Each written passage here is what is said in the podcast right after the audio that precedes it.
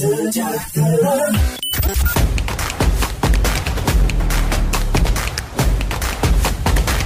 news people, waktunya kalian mengikuti program Good News. Selamat mendengarkan. Shalom. Ada sukacita amin. Lihat kanan kirinya beri yang terbaik. Haleluya. God is good ya. Ya kita percaya anugerah Tuhan yang luar biasa. Ya hari ini saya dikasih tema You are the light Christ to all the world. Of the, the world ya. Kamu adalah terang dalam Kristus di tengah dunia. Ya kita bersyukur hari ini, ya bulan sepanjang bulan ini kita bicara tentang bagaimana kita menjadi terang, bagaimana kita berdampak, bagaimana kita terus uh, sebagai generasi muda menjadi jawaban di tengah dunia yang gelap ini. Ya, jadi uh, seperti kemarin minggu lalu ya, uh, Pak Erlangga katakan di Yohanes 3 ayat 19, dan inilah hukum itu, terang telah datang ke dalam dunia, tetapi manusia lebih menyukai kegelapan daripada terang. Sebab perbuatan-perbuatan mereka jahat. Ya saya katakan sekali lagi ya. Dan inilah hukum itu. Terang telah datang ke dalam dunia. Siapa terang itu? Yesus Kristus sendiri. Tetapi manusia lebih, menyukai apa? Kegelapan daripada terang. Sebab perbuatan-perbuatan mereka jahat. Kita lihat di sini bahwa kondisi dunia hari-hari ini kalau kita lihat TV ya kalau uh, saya nggak ngerti rekan-rekan di sini kalau lihat TV pagi-pagi itu apa. Ya saya kebiasaan lihat uh, berita dan kita lihat ya hari-hari ini tingkat pembunuhan ya, uh, pemerkosaan itu semakin sadis. Ya dan pelakunya dulu adalah orang-orang dewasa, hari-hari ini adalah anak-anak yang belasan tahun. Bahkan ada yang di bawah 15 tahun, ada anak SMP, ada kasus uh, lokasinya saya lupa, tapi ada tiga anak SMP yang membunuh ODGJ dengan cara yang sadis gitu ya. Dengan apa? Tiga hari disiksa sampai akhirnya mati. Jadi bisa dibayangin kondisi dunia hari ini itu benar-benar gelap. Nah, butuh terang. Siapa itu terang? Yaitu setiap kita anak-anak Tuhan generasi muda. Butuh setiap kita untuk berdampak bagi dunia menjadi jawaban. Ya, uh, eh, PPT saya belum bisa. Ya saya uh, lanjutkan aja. Ada survei, ini bukan survei ya, dari hasil Badan Pembinaan Hukum Nasional, Kementerian Hukum dan HAM. Ini catatan kejahatan yang luar biasa. Dikatakan gini, melibatkan anak sebagai pelaku kejahatan sejak tahun 2020 sampai 2022. Tercatat kasus anak berhadapan dengan hukum. Jadi ini anak-anak di bawah di bawah 17 tahun berjumlah 2.338 anak Pelaku yang terdiri dari laki-laki sebanyak 2.271, anak dan perempuan sebanyak 67 anak yang ditangani oleh BPHN melalui 619 OBH, bantuan hukum ya, yang terakreditasi oleh BPHN. Ada pun tiga kasus teratas, ini ya bayangin tiga kasus teratas yang dilakukan anak-anak. Ya, pencurian itu 838 kasus. Penyalahgunaan narkoba itu 341 kasus. Dan kasus lain semisal pornografi, perundungan itu bicara bullying ya, e, hingga kecelakaan lalu lintas. Yang kasus yang cukup fenomenal ya, ada e, apa Mario Bros itu bersama David yang kasusnya sampai hari ini masih disidangkan dan terus panas gitu ya. Ini hasil dari bphn.go.id. Jadi ini hasil uh, bukan survei ya, ini uh, anak-anak yang bermasalah. Dan dunia ini semakin jahat. Emang firman Tuhan katakan kan, dunia ini akan semakin jahat dan terus jahat dan akan terus binasa. Dan kita hidup di penghujung akhir uh, zaman dan kita bersyukur bahwa kita generasi ini ya adalah generasi-generasi yang ada di tempat ini. Di luar sana tuh banyak generasi muda yang di tempat dugem, di tempat karaokean, hari-hari gini ya di mall ya Ya bersyukurlah kalian ada di sini. Lihat kanan kirinya selagi. Katakan kanan kiri, eh bersyukur kamu di sini gitu ya. Untuk apa? Untuk menjadi jawaban buat uh, generasi kita di luar sana. Kita akan baca Matius 5 ayat 14 sampai 16.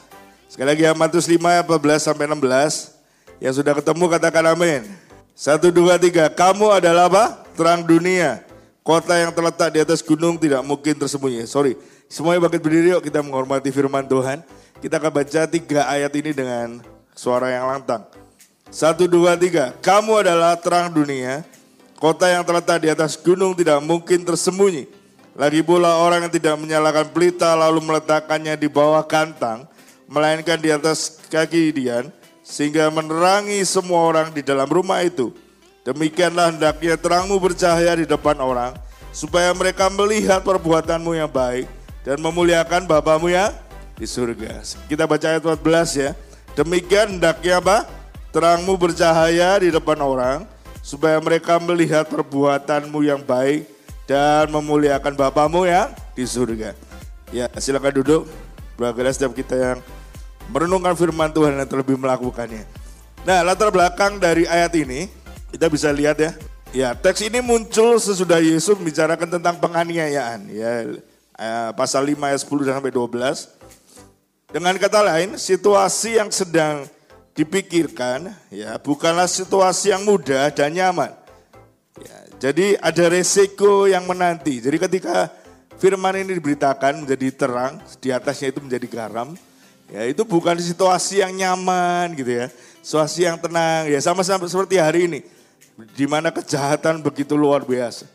Jadi eh, di sini kita mau belajar tapi sebagai umat tebusan Kristus kita berbeda dengan orang-orang dunia. Kita memiliki identitas khusus. Ya. Sebagai apa? Anak-anak Allah, maka kita dimampukan berperan sebagai terang di dalam dunia yang gelap ini. Jadi karena kita ini diadopsi ya, saya bilang. Diangkat menjadi anak, maka kita dapat uh, hak satu, tapi ada sebuah identitas baru sebagai anak-anak Allah. Tapi tidak hanya sampai di situ, kita punya kewajiban untuk menyatakan terang itu di tengah dunia. Supaya apa tadi? Supaya nama Bapa dipermuliakan. Nah, sebelum uh, ke next slide ya. Di sini uh, semua tahu ya bulan. Ada yang uh, saya mau tanya nih, juga yang di online boleh kolom chat ya. Yang yang tahu bahwa bulan itu bersinar dengan dirinya sendiri angkat tangan. Yang percaya bahwa bulan itu bersinar dari dirinya sendiri. Percaya? Yang berdia hanya memantulkan sinar matahari angkat tangan. Oke, yang nggak angkat tangan ngapain? Bingung. ya, ini ini pinter-pinter ya. Dulu zaman saya masih kecil tuh saya teriakin bulan. Saya pikir bulan kalau waktu gerhana gitu atau yang hilang, saya pikir, wah dulu kan kalau zaman saya kecil, zaman bahula gitu ya, itu orang-orang tua bilang, eh bulannya dimakan buto gitu ya, bulannya dicaplok buto gitu ya. Dulu saya pikir bulan itu bersinar sendiri. Tapi kita tahu ya, uh, next, bahwa ternyata bulan bukanlah salah satu dari sumber cahaya. Dia bukan bintang, ia tidak memancarkan cahaya sendiri, bahkan bulan hanya memantulkan cahaya matahari. Ya, jadi dari bulan ini kita bisa melihat bahwa hidup kita sebenarnya kita bersinar bukan karena kita hebat. No, kita bersinar bukan karena uh, luar biasa, ganteng, cantik-cantik enggak, enggak. Tapi kita bersinar tuh hanya merefleksikan Kristus yang di dalam kita. Ingat ya bulan lalu Kak Dimas bicara tentang bagaimana uh, Yesus menjadi mata air di dalam hidup kita. Hari ini Yesus di dalam kita, Yesus itu sang terang itu di dalam kita. Maka sama seperti cermin, kita hanya tugasnya memantulkan, memantulkan terang itu. Sama seperti bulan, tugas kita adalah hanya memantulkan. Jadi bukan kuat gagah kita, tapi karena Kristus di dalam kita. Katakan bersama, karena apa? Kristus di dalam kita. Jadi kita bisa menjadi terang karena Kristus di dalam kita. Kita hanya merefleksikan, kita hanya memancarkan cahaya.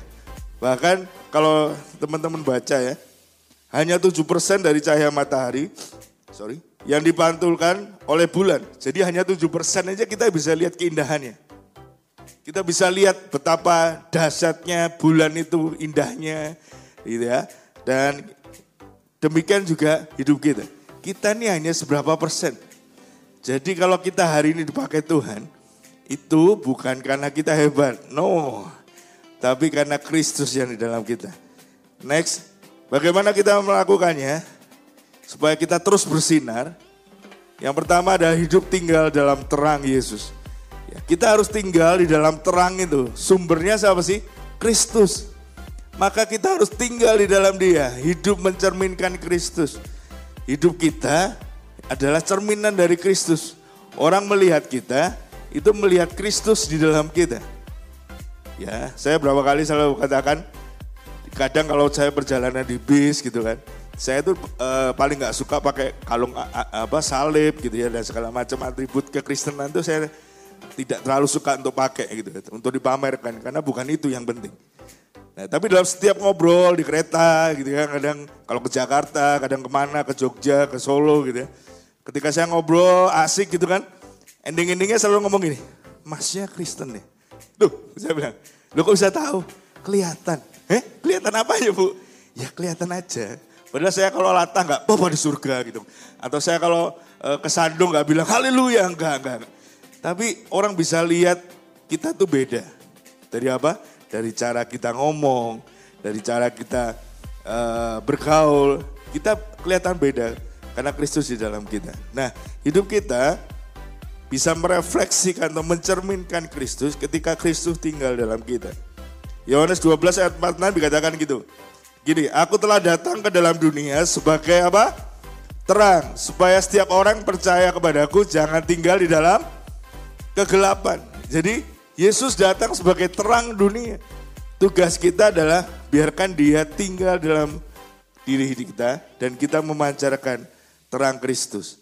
Kita harus mencerminkan Kristus. Efesus 5 ayat 8 dikatakan ini, memang dahulu kamu adalah apa? Kegelapan, tapi sekarang kamu adalah apa? Terang di dalam Tuhan. Sebab itu hiduplah sebagai anak-anak terang. Jadi kita terang di dalam Tuhan. Bukan kita terang itu, no no. Kita terang di dalam Kristus. Kita adalah terang yang lebih kecil yang berguna untuk apa? Menuntun orang lain menuju pada terang yang sesungguhnya yang lebih besar. Jadi hari ini kita tuh seperti terang-terang kecil yang ada di tengah dunia yang gelap Tugas kita adalah membawa orang-orang yang masih dalam kegelapan itu kepada terang Kristus yang besar. Bukan dibawa untuk ke kita, no. Tapi dibawa kepada terang Kristus yang luar biasa. Jadi hari ini kita pilihannya adalah next. Responi, responmu menentukan bersekutu dengan terang atau hidup dalam kegelapan. Halo, bersekutu dalam terang atau bersekutu dalam kegelapan. Terang di dalam hidup kita, Kristus di dalam kita, tidak akan memancarkan apa pun ke kita kita memilih hidup dalam apa? Kegelapan. Kita hidup dengan masa lalu kita. Setiap kita adalah manusia baru, makanya firman Tuhan katakan, tanggalkanlah manusia yang lama, karena apa? Yang baru sudah datang. Kita harus mengenakan manusia baru dengan cara hidup yang baru. Jadi yang pertama, yang penting adalah hidup tinggal dalam terang itu. Ketika terang itu di dalam kita, maka apa? Hidup kita akan mencerminkan Kristus. Yang kedua, yang terpenting juga adalah jauhi kebodohan. Kita bersama, satu dua tiga, jauhi kebodohan. Yaitu apa? Jangan menyalakan pelita, lalu meletakkannya di bawah gantang. Gantang itu apa tuh Pak?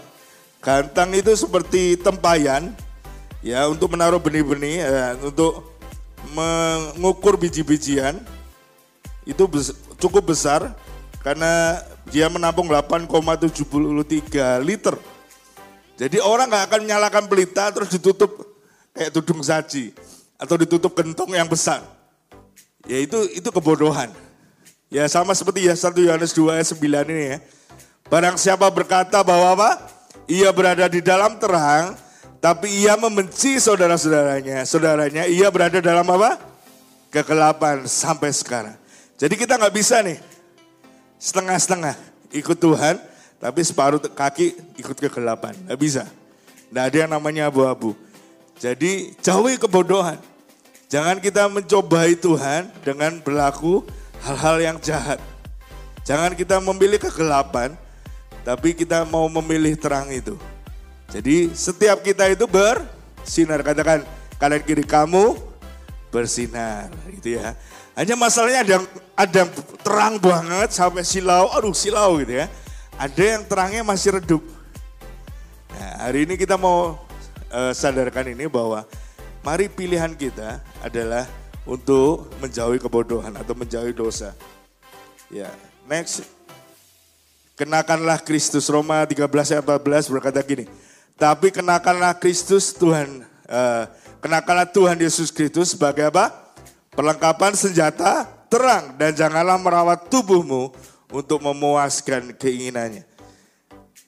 Sebuah kebodohan dan konyol apabila kita secara sengaja apa menutup terang Kristus dalam kehidupan kita demi memuaskan hawa nafsu jahat keinginan daging.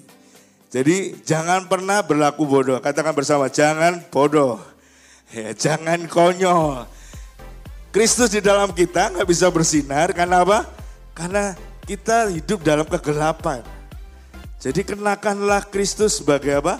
Dikatakan perlengkapan senjata terang. Ya kita uh, harus sadar bahwa Kristuslah sumber terang itu. Maka kesimpulannya, wah ini kalau udah kesimpulan kayaknya, uh enak nih gitu ya. Udah terakhir gitu ya. Nah kita mau baca bersama-sama ya. Satu, dua, tiga. Yesus Kristuslah sumber terang itu. Maka biarkah kita hidup tinggal di dalam terang itu. Di mana kita apa? Mencerminkan terangnya di tengah dunia yang gelap untuk itu jauhlah kebodohan hawa nafsu dunia yang menutupi terang itu. Jadi jauhilah hal-hal yang jahat, hawa nafsu, ya buanglah segala hal kedagingan, tapi hiduplah menurut roh, gitu ya. Jadi penurut-penurut roh kudus, di mana kita menjadi penurut-penurut Allah. Kita mau percaya bahwa kasih Kristus itu yang memampukan kita. Jadi bukan karena, sekali lagi bukan karena hebat kita, tapi kita hanya merefleksikan mencerminkan kasih Kristus di dalam kita. Nah, aplikasinya apa? Wah, ini aplikasinya apa nih kak? Aplikasinya jadilah jawaban untuk masalah di mana pun kau berada. Halo, di tengah kita ada masalah? Di tengah lingkungan kita ada masalah nggak? Ada, seperti apa? Sampah misalnya, sampah plastik misalnya, atau apalah, keamanan misalnya, atau apa pun. Ya, jadilah jawaban untuk masalah di mana pun kamu berada. Berdampak menjadi teladan dengan tidak apa?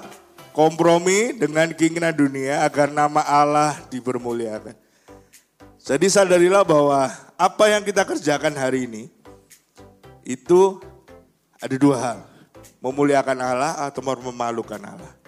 Jangan sampai, loh orang Kristen ya ada. Loh, sampai. Ya, lo orang Kristen no pacarannya gitu. gitu. Ya. Lo orang Kristen kok raja nyontek, nah, kayak gitu-gitu tuh jangan sampai terdengar di uh, telinga kita. Tapi biarlah hal, hal yang baik. Oh dia tuh orang Kristen makanya dia rajin bantu gitu ya. Traktir teman-temannya gitu ya. Atau oh dia tuh bantu rekan temannya yang yang uh, kurang pinter dengan ngajari ngasih bimbingan belajar bersama gitu ya. Jadi ada ada kasih yang terpancar dan orang bisa lihat. Nah, Matius 5 ayat 16 demikian berkata gini, demikian hendaknya terangmu bercahaya di depan orang supaya mereka melihat perbuatanmu yang baik dan memuliakan Bapamu yang di surga. Nah, saya hanya kasih contoh satu. Ini dari sebuah sederhana, saya nggak ngerti ini siapa, tapi ada di kumparan.com. Ini hal yang simple banget. Seorang warganet di Instagram namanya Laurentinus Setiawan membuat sebuah gerakan sosial dengan cara membantu orang lain, memfotokan produk jualan mereka. Simpel nggak? Simpel banget. Nah, nantinya orang tersebut hanya perlu membayar foto dengan apa? Donasi. Dia nggak butuh uang. Gerakan tersebut diunggah Loren Sapa Laurentinus ke akun Instagramnya dan Loren merupakan seorang fotografer. Sebuah hal yang sederhana. Kalau teman-teman baca di kumparan, dia Kenapa bisa tergerak? Karena waktu itu pandemi, awal-awal pandemi, dia melihat badut. Kok kasihan ya? Terus warung-warung sepi gitu ya. Terus dia kan fotografer. Oh iya ya, kan aku fotografer ya. Aku mau buat sesuatu lah. Hal yang simple, tapi bisa masuk kumparan.com. Nah, bayangin ya. Dan uh, ada banyak eh, orang-orang hebat, anak-anak muda di Bali ada uh, dua anak yang luar biasa, asal Bali, kakak beradik namanya Melati Whitson dan Isabel Whitson. Dia punya kegerakan namanya Bye Bye Bye Bye Plastik. Saya nggak tulis, saya nggak gambarnya. Dan tahu apa nggak? Yang dilakukan 12 sama 15, 14 anak umur 14 anak ini ya, dua orang ini kakak beradik, ini buat petisi di mana tidak boleh ada plastik di Bali. Dan apa yang terjadi? Ternyata banyak tanda tangan. Akhirnya apa? Pemerintahan Bali memutuskan kalau teman-teman ke Bali, ke Indomaret tidak ada plastik. Bayangin ya, umur 12 dan adiknya ya, tentu yang lebih muda ya, sekitar sekitar 12 sampai 15 tahun. Mereka bisa membuat petisi dan mengubahkan satu kota. Akhirnya muncullah perda dan hari ini bye-bye plastik itu ada di mana-mana. Bahkan kemarin eh, Pak Angga katakan, oke lah anak saya itu ikut ke gerakan bye-bye plastik. Dia kalau Sabtu atau Minggu tiba-tiba ada di sungai mana bersihin gitu ya. Dan yang terakhir yang lagi viral tahu ya, uh, ada namanya apa? Pan, sorry sorry, Pandawara Group yang lagi heboh. Ya dia membersihkan uh, pantai terkotor ya di Lampung. Dia kumpulin 3.700 orang lebih hanya untuk apa? Terjun bersihin sampah. Dari sebuah kegerakan yang kecil lima, lima orang pemuda yang mulai bersihin sungai gitu kan. Terus mulai viral di TikTok akhirnya berdampak sampai hari ini. Ya, bahkan ada sungai yang dibersihin, dia udah ganti, udah seneng kan bersih, tiba-tiba ada sampah lagi datang gitu kan. Saya lihat TikToknya kasihan. Oh, saya kita udah bersih-bersih nih. Eh, ada sampah dari datang lagi. Jadi bayangin dia udah ganti, udah baju bersih, udah bersihin seharian, ternyata sampah kiriman datang lagi. Nah, mari kita jadi jawaban uh, bagi dunia ini yang semakin gelap. Nah, saya sangat suka dengan lagunya Glenn Fredly, Jadilah Terang. Saya akan bacakan liriknya aja, saya nggak akan nyanyikan. Jadilah terang di tempat yang jangan, eh jadilah terang jangan di tempat yang terang. Jadilah terang di tempat yang gelap. Jadilah jawaban jangan hanya kau diam, jadilah jawaban di luar rumahmu. Jadilah garam, jangan di tengah lautan. Jadilah harapan, jangan hanya berharap. Jadilah jawaban, jangan hanya ucapan. Jadilah jawaban, jangan tambahkan beban. Halo, hari ini Diaspora Generation, saya nggak tahu ada masalah apa di sekolahmu, mungkin di lingkunganmu. Mari tanya sama Tuhan, jadilah jawaban. Tanya Tuhan, apa yang aku bisa lakukan Tuhan? Dan uh, saya mau akhir dengan sebuah cerita. Dulu Kak Dimas 2012 sampai 2017 aktif di anti narkoba. Kenapa Kak Dimas bisa aktif di anti narkoba? Karena Tuhan membangunkan saya selama tiga kali dan Tuhan bilang gini, Mas, buatlah seminar anti narkoba buat anak-anak SMP. Aduh Tuhan aku bilang, ah siapa aku Tuhan? Waktu itu saya masih belum pendeta. Saya bilang, aduh Tuhan saya nggak bisa Tuhan. Saya berdalih gitu ya. Datanglah mimpi kedua. Waduh ini kayak mimpi kedua nih kayaknya makin makin bener ini. Ini kayaknya dari Tuhan nih. Gitu ya. Saya tetap nolak sampai datang mimpi tiga. Tuhan ingetin satu ayat di Eskiel itu. Kalau kamu nggak ingetin orang untuk tidak menyentuh narkoba, maka kalau orang itu kena narkoba, dosanya aku tanggungkan. Wih, saya bilang, wah gak fair dong Tuhan. Sampai akhirnya saya memberanikan diri ke bapak-bapak kota. Saya bilang ini saya ingin buat seminar gitu ya. Dengan cara yang berbeda. Saya buat empat tim. Saya nggak ngumpulin orang di satu titik. Tapi saya datang ke 13 sekolah selama tiga hari. Dan apa yang terjadi? Kalau kita hitung-hitung 13 sekolah itu ada 1.500 orang yang diingatkan tentang bahaya narkoba. Hanya dari sebuah apa? Sebuah kerinduan yang Tuhan inginkan. Coba saya nggak tahan. Ada 1.500 dan tahu yang hebohnya lagi. Saya datengin empat orang itu narasumber dari Jakarta. Karena kita nggak punya SDM. Saya hanya siapkan empat mobil, eh, empat tim untuk kita bisa sebar ke sekolah- ke sekolah-sekolah selama tiga hari. 13 sekolah saya ingat. Nah apa yang terjadi? Ide saya diambil sama orang Jakarta dan dilakukan di Jakarta dengan lebih kompleks. Maksudnya gini, dia punya 1.500 tim. Eh sorry, 150 tim. Dan dia lakukan ke ratusan sekolah dan dapat eh, muri. Hal yang sederhana, dari Malang, kota kecil, ternyata bisa berdampak. Ide yang sederhana dari sebuah kerinduan, ternyata bisa dipakai di Jakarta. 2015, 2017, saya dapat penghargaan dari wali kota sebagai relawan anti narkoba. Ketika Tuhan bilang stop, kembali ke gereja. Ya saya stop, saya lakukan 2018, saya kembali pelayanan, saya tinggalkan eh, anti narkoba. Tapi sampai hari ini eh, saya masih punya hubungan baik. Kalau gereja-gereja ada yang eh, jemaatnya kena narkoba, harus bagaimana dan segala macamnya saya masih ditelepon.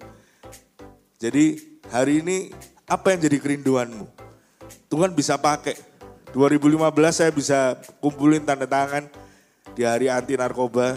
Saya bikin baliho 5 kali 5 dua, dua di saya taruh di stasiun dan itu eh, ada di semua media online ya. Di mana umat Kristiani eh, mendukung gerakan anti narkoba. Hal yang simpel sederhana. Hanya dari apa nonton TV terus eh mau Hani nih. Kita ngapain Tuhan? saya gitu saya ngobrol, saya presentasi di bapak-bapak gereja. Saya bilang gimana? Ini saya mau buat gini-gini di ACC gak? Di ACC? Di ACC? Iya. Dan kamu butuh dana berapa buat proposalnya?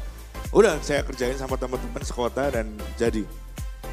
Jadi apa yang bisa kita kerjakan buat kota ini? Apa yang kita bisa kerjakan kecil buat kota ini? Mari kita menjadi terang, menjadi jawaban. Nah, sudah mendapat berkat melalui Good News hari ini kan? Buat kalian yang pengen banget curhat atau rindu banget dapat dukungan doa, Don't worry, gabung aja di nomor hotline 0812 3333 6392. Hello. Hey, friend. How are you? Kakak-kakak konselor DSCM siap untuk mensupport kalian semua. Tuhan Yesus memberkati.